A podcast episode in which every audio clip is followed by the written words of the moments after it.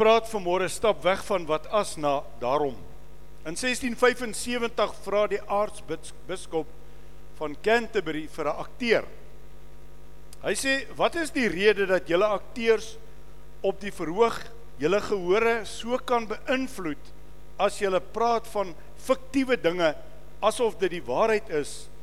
Hy sê terwyl ons in die kerke waarhede praat en ons mense ontvang dit as fiktief. Dis nog hulle 'n skerry gedagte.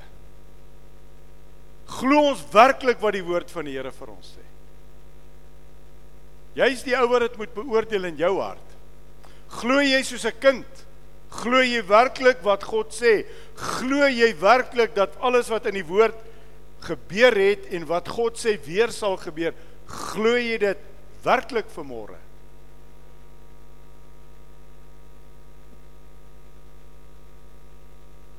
En die akteur gaan verder. Hy sê vir hom die volgende.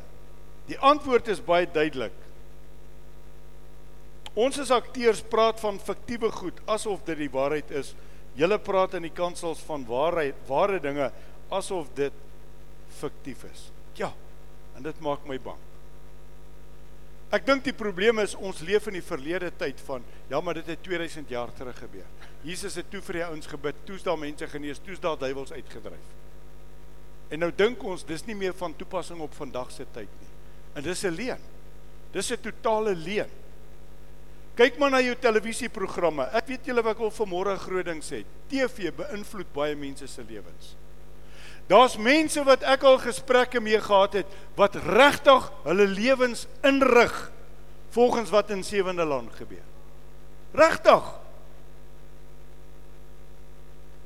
Dan sê hierdie een akteur dit en dan sê die een dit en dan sê hulle maar dit gaan ons nou doen en dat dit gaan ons doen. Dan hoor ons ons sit by mense daar hoor ons ja maar hulle doen dit so ons gaan kyk of dit werk. Dit grens aan waar sê hy man? Sit die TV af. Spandeer meer tyd met God, dan gaan alles waarheid word nie meer fiktief wees nie. Toe word aan George Whitefield gevra, wat is sy opinie hieroor en hy sê Daarom sal ek die waarheid alleen spreek en glad nie die evangelie afwater nie. Nou hy het in September 29 1770 sy laaste boodskap gepreek en gesterf in die kansel. Interessant. Die Bybel sê vir ons daar is dat ek dit net gou my getalle mooi reg kry. 12 nee 1220 daaroms in die Bybel. En elke keer as ek en jy dit daarom lees, moet ons uitvind hoekom staan dit daar. In Romeine 8, ons bly mos nog daar, sê vers 12: Daarom dan broeders, is ons skuldenaars nie na die vlees om na die vlees te lewe nie. Nou verantwoordelikheid is nie vir ons 'n gunsteling woord nie omdat verantwoordelikheid eintlik negatief is. Ek en jy het 'n verantwoordelikheid. Maar ons hou nie baie keer daarvan nie. Ons het 'n verantwoordelikheid om 'n ding te doen. Ons het 'n verantwoordelikheid om 'n besluit te neem. Ons het 'n verantwoordelikheid om 'n lewenstyl te handhaaf en dis nie altyd lekker nie. Gaan praat met baie boemelaars wat ek al in my lewe gedoen het. Baie van hierdie ouens se lewens het uitmekaar geval as gevolg van hulle kon nie die druk van verantwoordelikheid meer dra nie. Dit het te veel geword. Goed, nou lewe ons in 'n tyd in die wêreld waar ons al hoe meer krisisse gaan beleef. Die wêreldmarkte val, die ergste in meer as 20 jaar. Die lande stop almal hulle vlugte. So die lughawens verloor geld.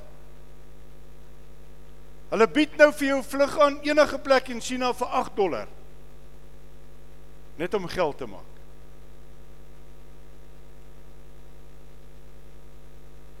Wat gebeur nou? Is Bybels 100% korrek? Jesus het dit voorspel. Die pessiekte kom. Maar nou het ons natuurlik die hoogheiliges, dis nie julle nie, dis nie ons nie. Ek sluit my nou saam julle in. Nee, maar weet jy wat? Ons is onder die bloed. Ek stem 100% saam met jou. Maar hierdie goed kom. En wat gaan ons doen? Onthou ons word verskriklik belieg vanaf die regeringskant af. Dis nie net Suid-Afrika nie, oor die wêreld.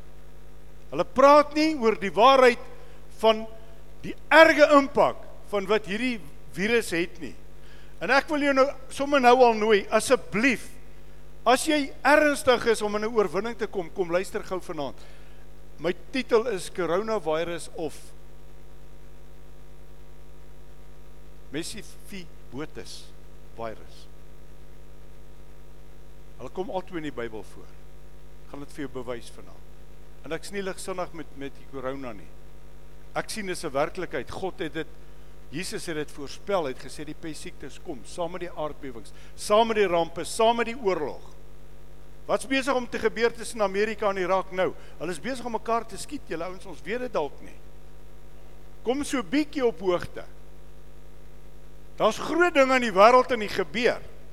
Want wat word nou geskit? Die god van die wêreld. Geld. Hy word nou geskit.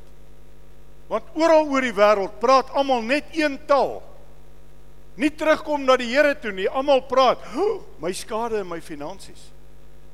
Al sou die vyeboom nie bot nie. Né? Gaan ons dit aanhou sing?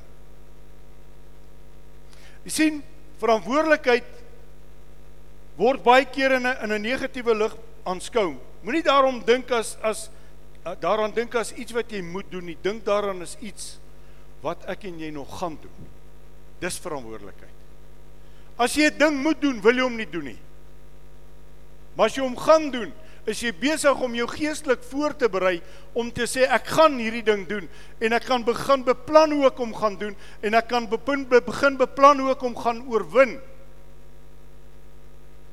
Toe jy 'n kind was. As dit donker word, sê pa, ma, gaan klim in die bad. Jy speel op jou lekkerste. Jy moet nou gaan bad. Ek wil nie. En as jy te lank nee sê kry jy sla ook. Want jy moet dit doen. Maar wanneer verantwoordelikheid vir jou 'n ding word wat 'n uitdaging vir jou word, dan is dit 'n totale ander storie. Jy sien ons ons grootste verantwoordelikheid word ons grootste geleentheid.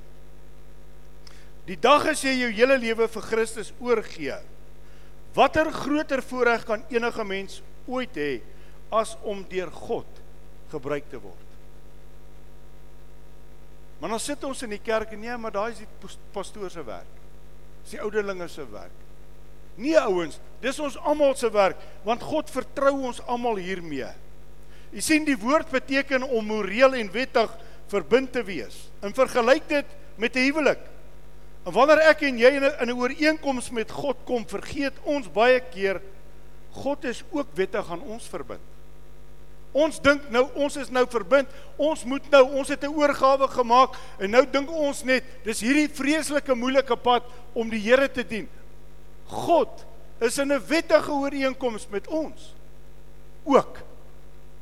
Daarom sê hy, wat ek in jou lewe begin, sal ek klaarmaak. Dit sê vir my van iets van iemand wat wettig in my lewe is. Iemand wat 'n wettige kontrak met my, 'n wettige ooreenkoms met my gemaak het. Ek sal deurkom vir jou. Ek sal jou dra.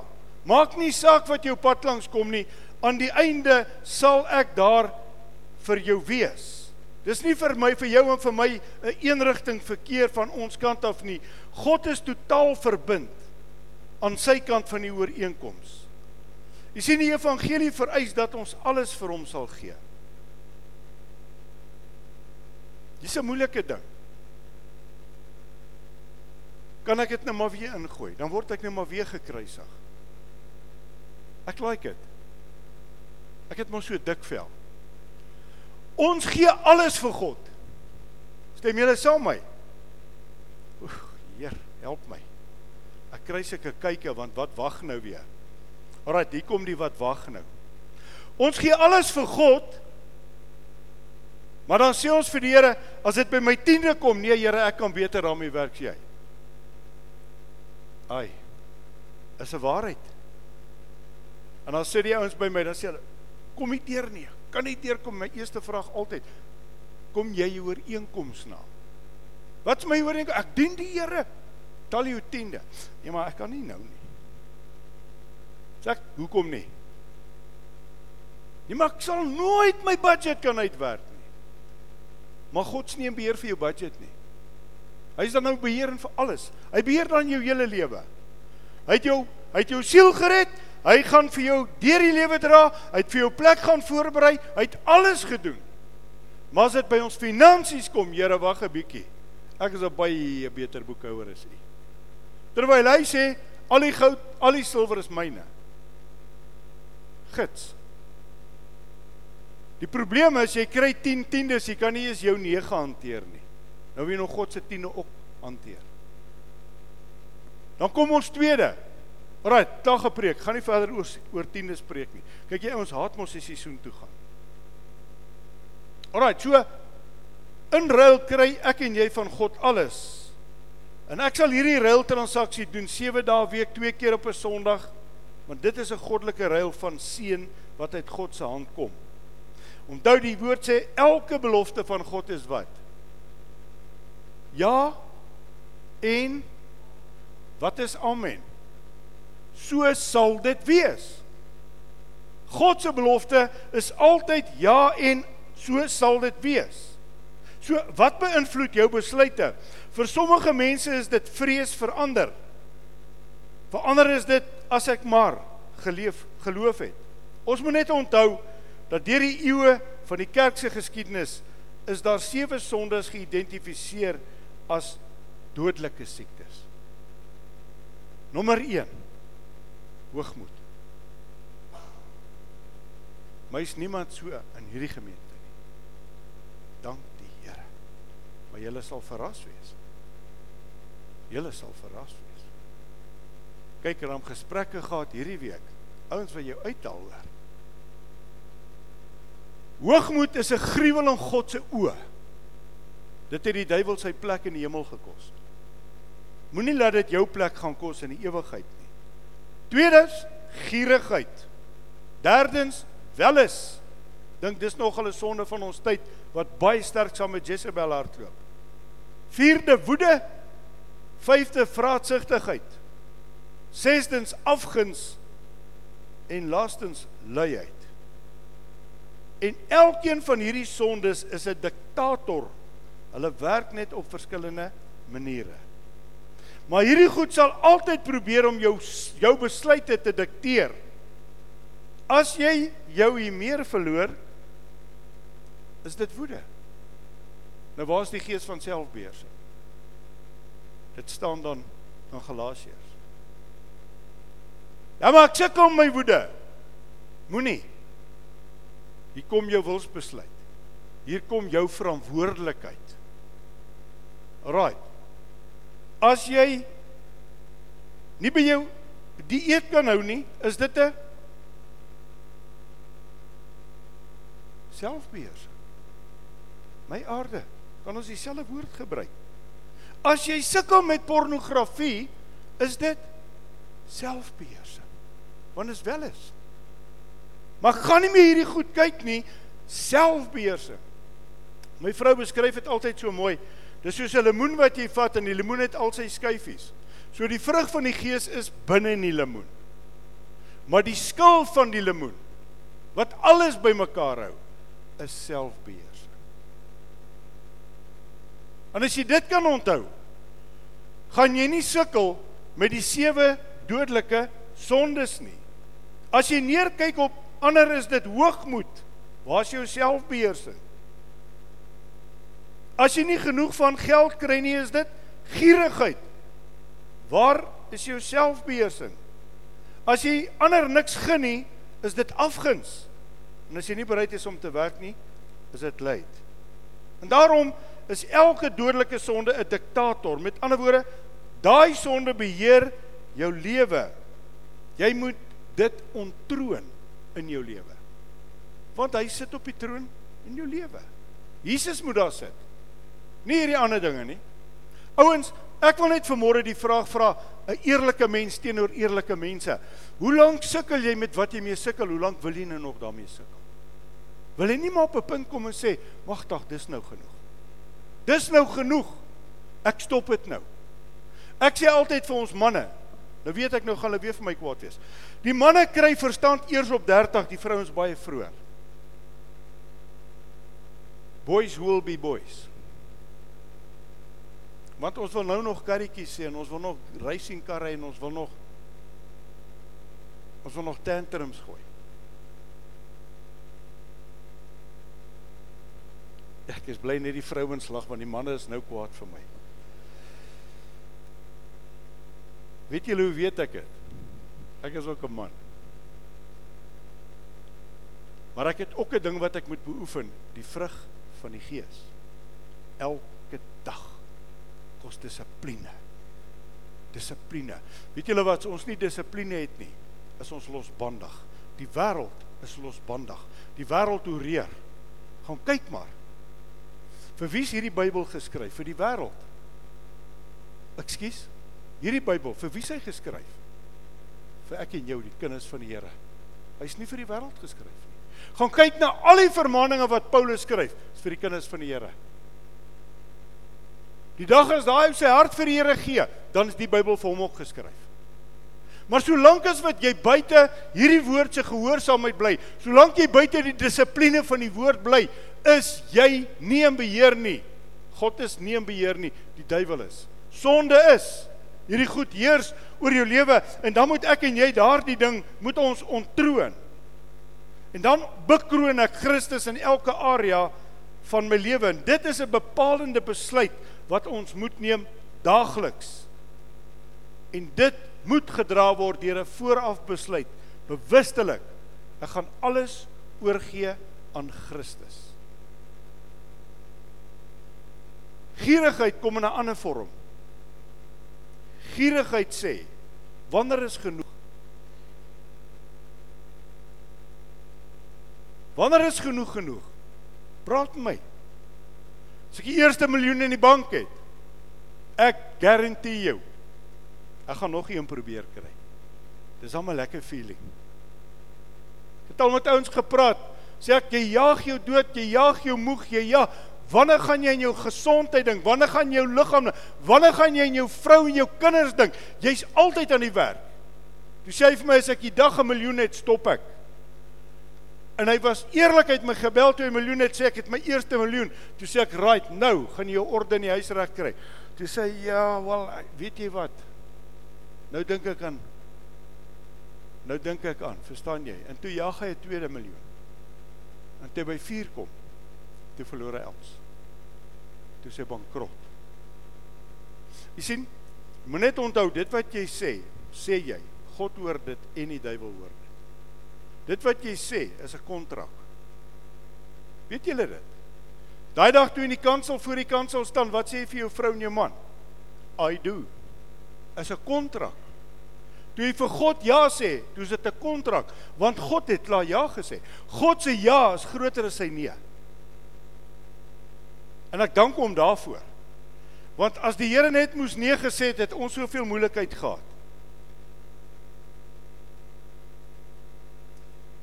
Die vraag is watter diktator het jy nodig om vandag van sy troon in jou lewe af te stoot? Alles begin deur aan God die volmag van jou lewe te gee. En nou kom Romeine 12 en hy sê vir ons in vers 1: Ek vermaan julle dan broeders by die ontferminge van God dat julle jou liggame stel as 'n lewende, 'n heilige en aan God welgevallige offer. Dit is julle redelike godsdiens aan God. Nie wat jy hier uitkry nie, is wat God hier uitkry. Gees, siel, liggaam behoort ek en jy aan die Here. Hy sê gees, siel, liggaam moet jy alles aan God beskikbaar stel. Jy sien die probleem met sonde van die wêreld. Hy jaag jou, hy jaag jou want hierdie stuk vleis soek net. Hy wil net meer hê. En hoe meer hy kry, hoe minder raak hy versadig. Hy wil net meer en hy wil net meer en hy wil net meer. Kyk na die siekte van ons tyd. Grootste sterkste wapen van ons tyd is pornografie.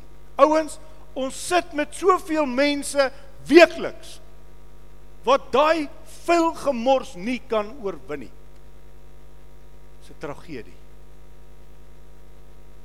Maar weet jy waar kom die die selfbeheersing in? Jou oë.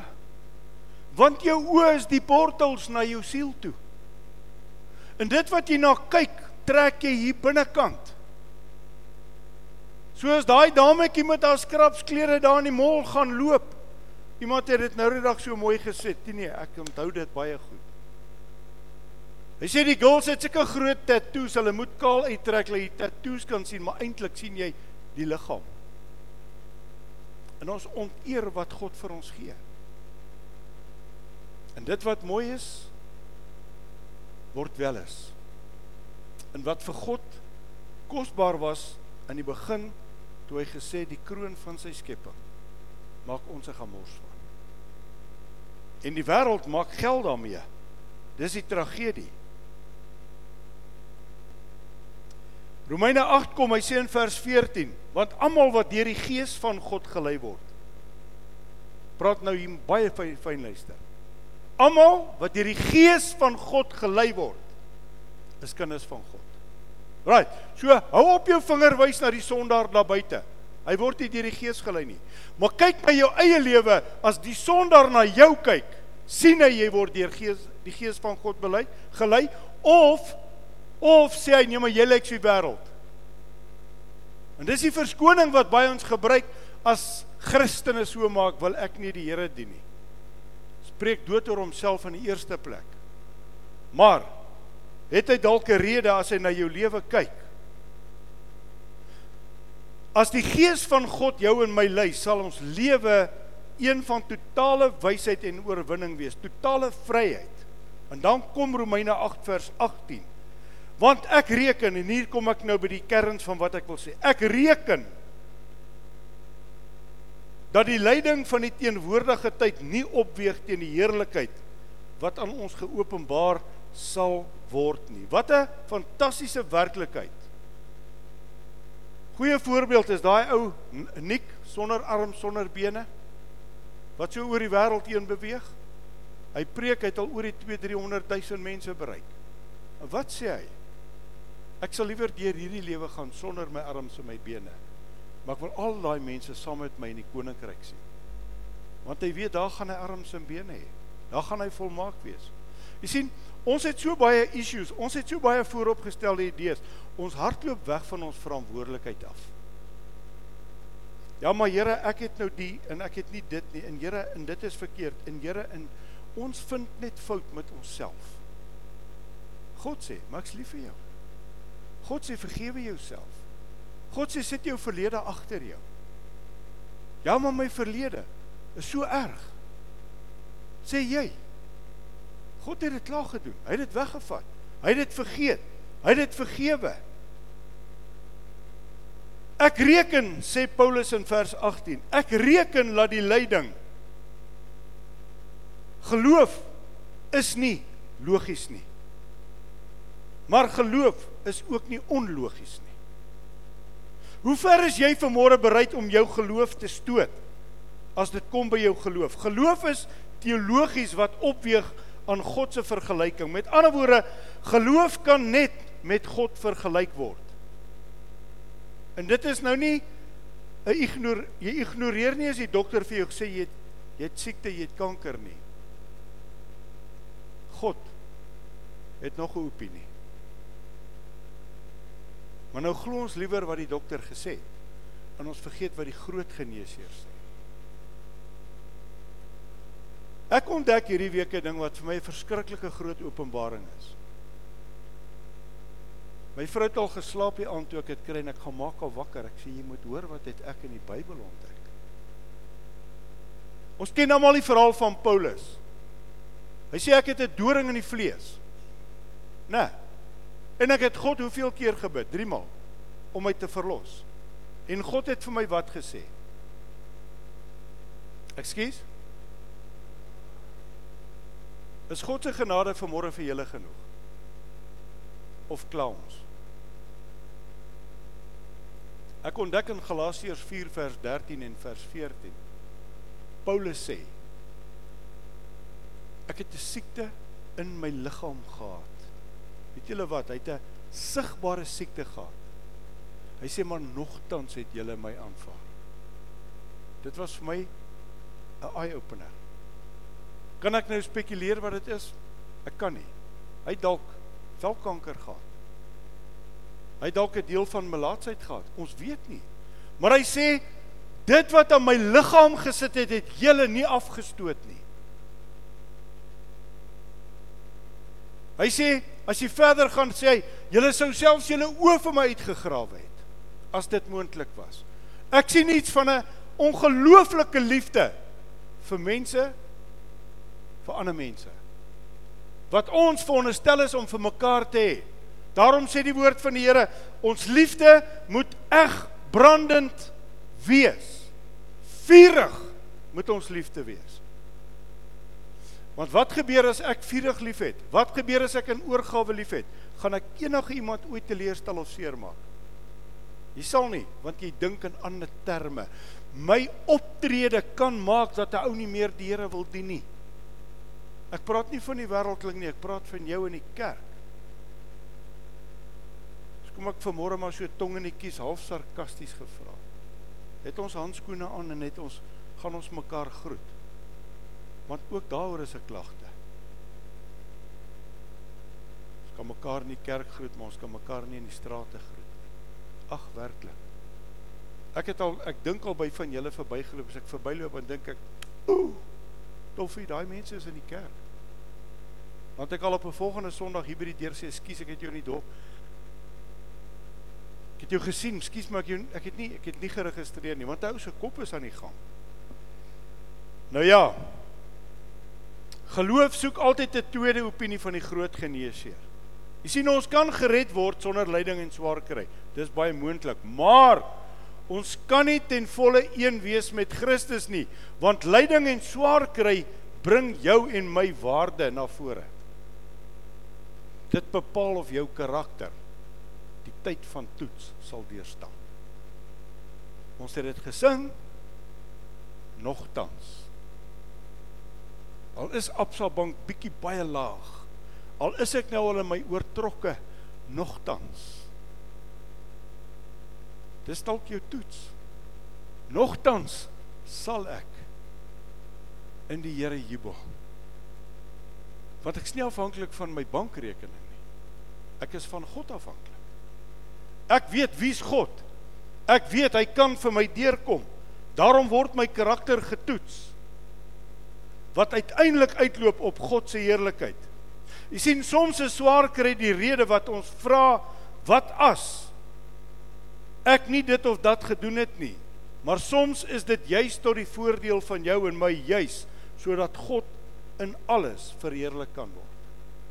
Dan gaan God die eer kry. Nie wat jy verrig het nie, wat God vir jou gedoen het. Daarom maak elke dag 'n dag van groot tevredenheid. Leef asof daar nie 'n môre is nie. Nou sê ek roekeloos. Carpe diem sê die woord. Gryp môre? Nee, gryp die dag. Leef vandag asof daar nie 'n môre is nie. Het jy God se wysheid vir môre? Ek gaan nie nou skielik as ek 300 000 rand in die bank het vandag gaan ek uit eet om my pelle nooi en Dis logika. Dis stupid. Maar leef vandag voluit. Asof daar nie 'n môre is nie. Want Jesus het gesê: "Kwel jou nie oor die dag van môre nie." Want vandag het genoeg van sy eie probleme. Hoeveel mense gaan onvervuld dood? Hoeveel mense het ek al gehoor praat wat As ek net nog 1 uur saam met my man of met my vrou of met my kind kon wees, ek wou nog net dit sê. Hoekom doen jy dit nie? Hoekom tel jy nie daai telefoon op nie? Hoekom bel jy nie? Hoekom sê jy nie ek's lief vir jou nie? Hoekom druk jy nie jou geliefde en sê dankie jy's die beste nie? Môre is hulle dood, dan sê jy ek wens ek kon nog net 1 uur gehad het. gister so 'n ding weer beleef. ons het 'n batterytjie gaan kry. En ek hardloop by die by die diskem om so klein batterytjie te kry vir oorlosie. En ek hardloop in en net so gou as ek in is hardloop ek uit. Nou dis 'n keer dat jy ou dink hierdie hierdie ou is nie lekker nie. Wat het hy gesteel? En my vrou staan buitekant by die by die trolly. En ek gaan na haar toe en ek sê vir haar, "Leen my gou jou bril." Ek kan nou nie daai klein lettertjies daar en my bril lê in die kar. Maar ouens, kyk net hoe word ons dopgehou. Ek gaan in en ek ek sien is die regte en ek vat hom betaal hom toe ek uitkom toe groet sy die tannie daar het 'n tannie gesit.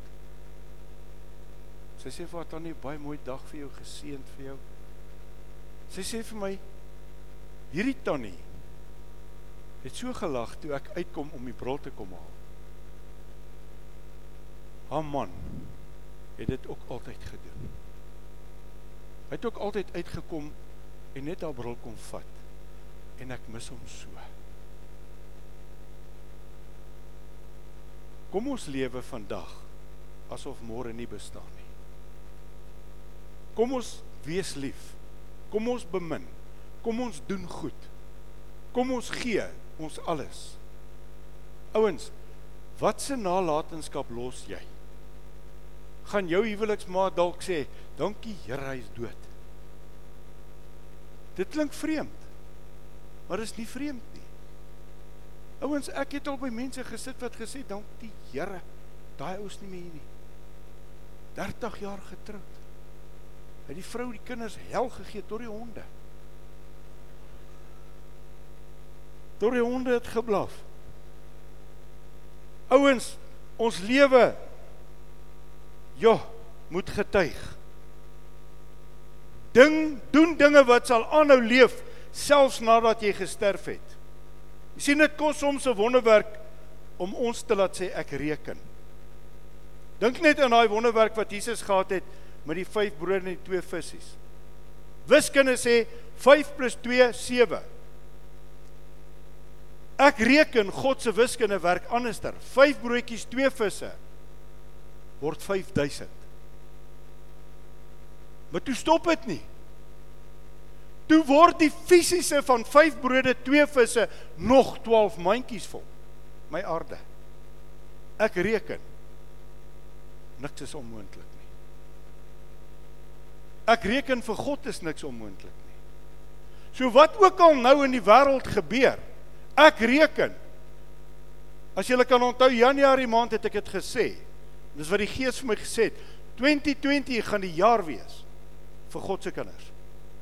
Ek reken die wêreld gaan sien waar gaan die Here met sy kinders hierdie jaar. Ek reken so. Want Paulus sê ek reken dat die swaar kry van hierdie wêreld nie opweeg teen die heerlikheid wat vir ons wag nie. Moenie net reken dit gaan met jou goed finansiëel as dit dan gaan dit met jou goed nie. Die feit dat jy gesondheid het, die feit dat jy 'n maat het, die feit dat jy kinders het, die feit dat jy honde het. Jy's geseënd. Die feit dat jy vriende het. Die feit dat ons aanbiddingsplek het. Wanneer gaan dit kom dat hulle gaan sê Ons kan nie meer Sondag by mekaar kom nie. Dis naby. Weet julle dit? Ek reken hoeveel van ons gaan in vrees by die huis bly. Ek's ernstig. Ja, ek wil nou nie daai virus gaan kry nie. As jy hom nie wil kry nie, kom in en sê net daar van voor af, daar. Hallo. Net jy my hand vat nie, hallo. Hulle het al die byeenkomste reg oor die wêreld gestop. Super 14 rugbyhelde, aanhangers, sorry, hulle het dit gister gestop. Hulle gaan nie meer rugby speel. Gister 'n skokkende ding gesien van 'n non wat in 'n kamertjie gaan praat September verlede jaar skokkend wat sy gesê het wat oor 2 maande gebeur. Wat die paus besluit het. Julle weet natuurlik wie's die paus. Weet julle hy's in beheer van die vrymeselary. As jy in vrymeselary is, beter jy kom ek met jou bevry. Dis demonies. Kyk nou nou kyk nou kan jy ouens kyk te pomp hoor. Ek sal waarheid praat solank ek hier staan. Al kos dit my lewe. Ek sê jou al kos dit my lewe jare terug waar die vrou meslaas my uitgehaal het. Hulle het beloof hulle gaan. Jare later staan ek nog hier. Hulle gaan nie want hulle kan nie want God is in beheer. Mag ek julle vanaand die skokkende verhaal vertel van wat die paus besluit het. Jy sien, wanneer die wil van God nie sin maak nie, luister net baie mooi. Wanneer God se wil nie sin maak nie, kom die wonderwerk. Here maak verstaan nie God sê jy hoef nie. Here maar kan nie hierdie ding uitwerk nie. God sê moenie. Jy kan my nie bereken nie. Ek werk anderster.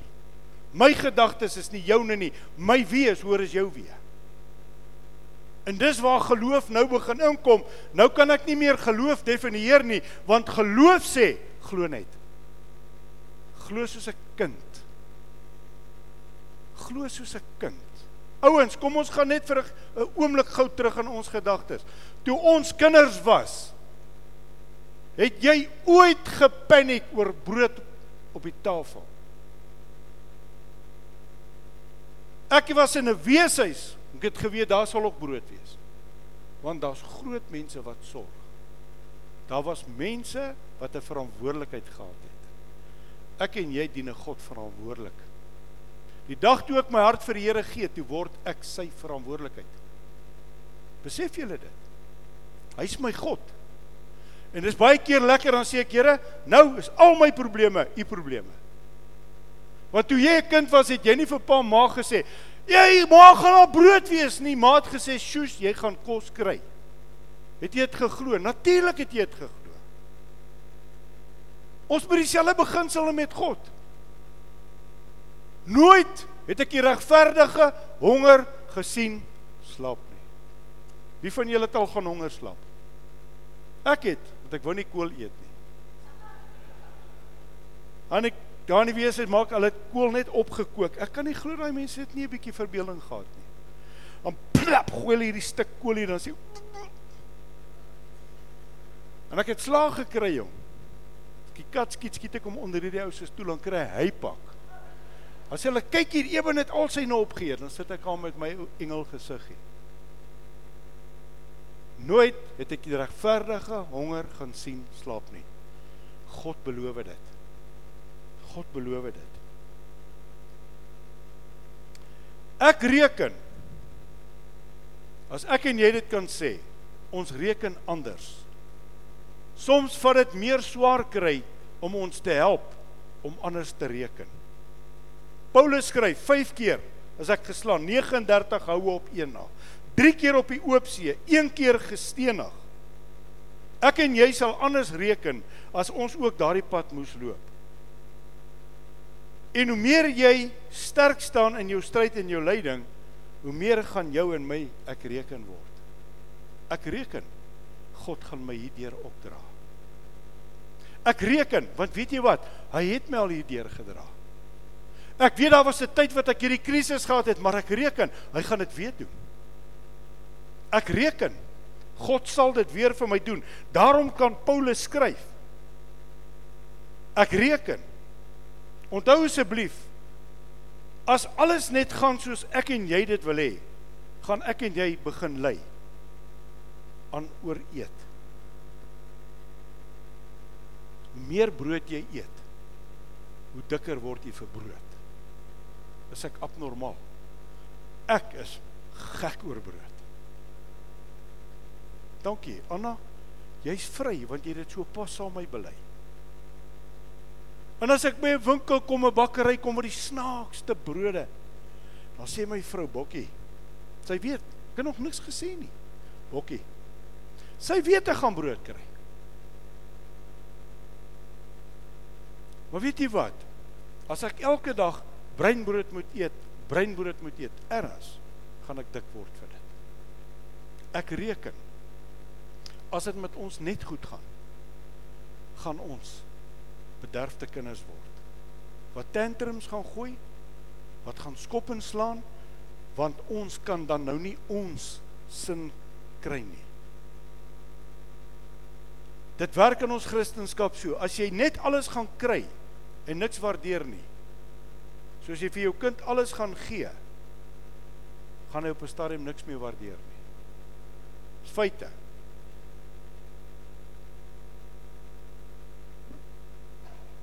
Die vraag is vanmôre, wanneer gaan jy begin reken wat kan jou skei van die liefde van God? Ek sluit af. Jim Elliot is 'n befaamde sakeman van Amerika. Ek wil dit stadig lees, ek wil dit twee keer lees. Hy sê he is no fool who gives what he cannot keep to gain what he cannot lose. Kan ek dit weer lees? He is no fool who gives what he cannot keep to gain what he cannot lose. Nou, ek reken die dag van rekenskap voor God kom. Ons gaan almal voor sy regterstoel staan. En ek glo die enkel grootste spyt daardie dag gaan wees. Dis wat ons nie aan God gegee het Hoeveel is jy vanmôre bereid om aan hom te gee? Ek praat van jou totale menswees. Jou hele beheer aan God oorgegee. Ja, maar ek wil daarom nog dit. Ja, maar ek wil nog daarom dat. Onthou net, die duiwel maak sonde altyd aantreklik. Maar sonde is 'n slang. Hy kom pik jou. Ernstig vang hy jou ernstig kom hy slang en hy kom pik jou. Ek en jy moet op daai plek kom waar Paulus was. Hy het hout opgetel in die volgende oomblik toe hang daar 'n slang in sy hand. Vra jouself vanmôre net jou vraag, wat gaan jou reaksie wees? O Here, help my, hier's 'n slang. Kyk gou, is dit 'n mamba?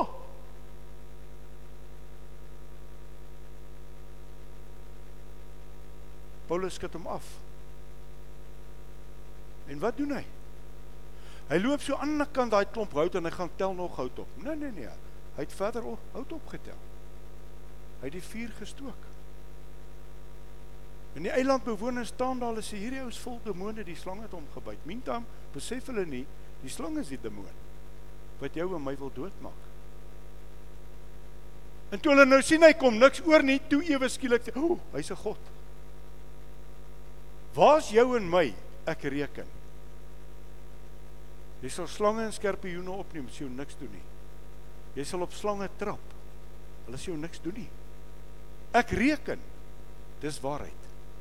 Ek reken as Paulus die slang kan skud, moet ek en jy hom ook skud.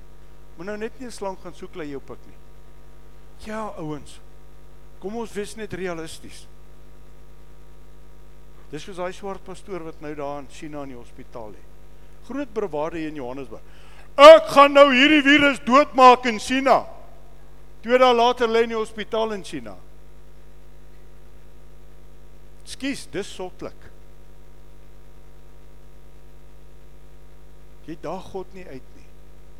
Maar jou geloof in aksie maak dat God in reaksie kom. Want God al eer altyd ons geloof. Right. Wat ons ook al hou, verloor ons. En wat ons ook al verloor vir sy naam, hou ons vir ewig. Is dit nie vanmôre tyd dat ons ons lewens minder ingewikkeld maak deur net ons lewenstyl aan te pas met Jesus in ons lewe nie? En begin bietjie vanmôre reken. Waar staan jy met God? Wil 'n laaste gedagte met u deel. Luister na 'n klip ouerige man van Amerika. En hy gebruik 'n 'n uurglas. Hy sê die sand bo in die uurglas is ons. Ah nee, ekskuus, dis die lewe. Die sand wat deurloop in daai dun pypie, dis ons. Die sand wat onder lê is verby. Hy sê en hy sit en hy praat eendag met sy ouma en sy sê toe sy 60 word, toe sê sy, "Joh, Ek het nie meer baie jare nie, ek gaan na die Here toe binnekort. Toe word sy 94 jaar oud. Hy sê hy en 'n vriend van hom ry eendag, hulle is op pad om om 'n fietstoer te gaan gaan uh, besigtig die roete wat hulle wil doen en terwyl hulle ry om te gaan kyk, sê hy en sy vriend vir mekaar, "Weet, ons is nou 30 jaar oud. Ons het seker nog 'n goeie 50 jaar oor." Die volgende oggend toe vir ongeluk sy vriend dood. Toe op 28 toe stop sy lewe. Ons lewe is nie in ons hand nie. Maar ek reken. Ek reken. As die dood ontydig kom, reken ek ek is oukei okay met God. Ek gaan voor hom staan met vrymoedigheid, want Paulus sê moenie jou vrymoedigheid verloor om enige tyd in die teenwoordigheid van God in te gaan nie. Ouens, kom ons maak nie 'n waagstuk van ons lewens nie. Kom ons gee alles vir hom. Want ek reken dan is ons veilig. Kom ons bid net saam. Hemelse Vader, baie dankie dat ons vanmôre rondom u woord kan staan met 'n wysheid wat Paulus vir ons gee. 'n Wysheid wat die Heilige Gees vir hom gegee het, 'n wysheid wat u Heilige Gees vanoggend ook vir ons gee. Ons kan ook vanmôre reken. As ek alles vir u gee, sal alles ten goeie meewerk omdat ek u liefhet. Maar Here, as ek nie alles gee nie, dan reken ek daar's 'n ander God nog in my lewe. Dan reken ek daar is nog iets belangrikers in my lewe as U. Ons kan onsself flous vanmôre. Ons kan vanmôre sê ons dien die Here, ons kan vanmôre sê ons is kinders van die Here, maar in ons harte kan ons vanmôre weet, maar hier's nog iets wat vir my belangriker is. Hier's dalk nog gesonde, hier's dalk nog 'n 'n ou gewoonte. Maar ek reken vanmôre as ek alles oorgee sê die woord. Jy sal die waarheid ken die waarheid sal jou vrymaak. Here as ons maar net die lesse wil leer uit die geskiedenis uit. Toe Jesus praat met die skrifgeleerdes die fariseërs en hy sê maar julle is nog onder die wet julle is nog gebind. Toe sê daai manne met groter renounce maar ons is nie slawe van mense nie. Ons vader Abraham is vry. Maar Here, ons kan onsself so in 'n tronk sit. Ons kan sonde toelaat. Ons kan toelaat dat 'n ander ding op troon van ons lewens sit. En dan kan ons dink ons is vry. Ons is net vry wanneer ons die waarheid hoor, die waarheid maak vry. En ek wil vanmôre pleit, wonderlike God, dat ons die rekeninge sal gaan doen. Laat ons met U gaan eerlik wees. Ons kan baie keer nie eens met onsself eerlik wees nie. Ons kan vir onsself baie keer lieg, Here. Maar laat ons voor God kan gaan staan en sê Here, ek reken dat hierdie ding in my lewe bring skeiding tussen U en my. Maar ek wil dit nie meer hê nie. Ek bely dit, ek laat staan dit. Ek gooi dit weg, ek breek daarmee. Want dan reken ek as ek voor U troon gaan staan, ek is veilig. Want Here, as ons voor U gaan staan, vinger alleen. Geen verteenwoordiger nie. Ons sal voor U gaan staan op wat ons gereken het op hierdie aarde. Gee vir ons 'n eerlike selfondersoek. Gee dat ons klaar kry met die dinge van hierdie wêreld. Gee dat ons klaar kry met selfsugtigheid.